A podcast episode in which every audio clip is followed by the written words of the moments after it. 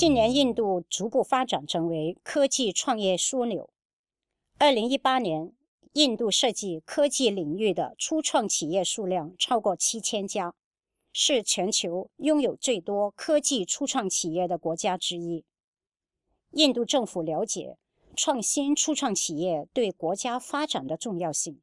在二零一六年推出了印度初创企业计划，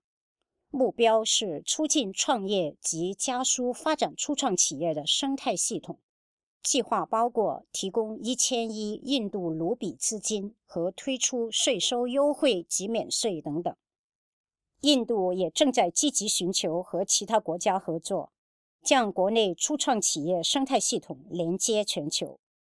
印度已经与美国、英国、芬兰和瑞典等西方国家，以及日本、韩国和新加坡等亚洲国家建立合作平台。以促进彼此生态系统之间的联系。在中国，投资者对印度多个领域的初创企业都深感兴趣。在2017年，中国对印度初创企业的投资达到20亿美元，是上一年的三倍。为了进一步促进中印合作，印度的国家软件与服务公司协会与中国大连、贵阳和徐州。建立了三条信息科技走廊，主题包括物联网、大数据和智能制造。这些走廊有助促进新兴技术合作和增加配对机会，为印度公司进入蓬勃的中国市场铺路。至于香港与印度初创企业生态系统的合作，还在起步阶段。目前只有一个以印度初创企业为焦点的平台。印度提供大量创新机会，香港应该努力加深双边联系，寻找不同的合作机会。尽管印度政府为初创企业提供不少优惠政策，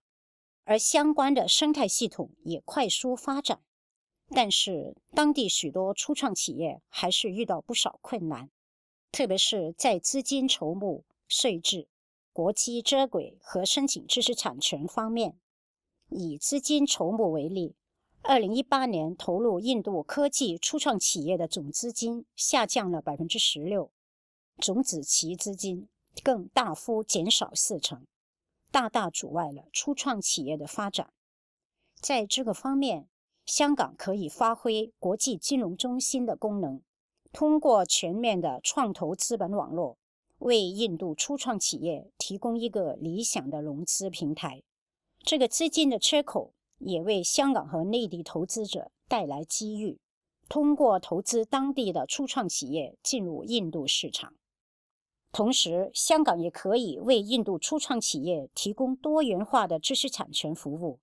以香港成熟的法律框架、健全的知识产权保障及仲裁能力。为印度初创企业提供理想环境来研发创新科技，并探索商品化的机会。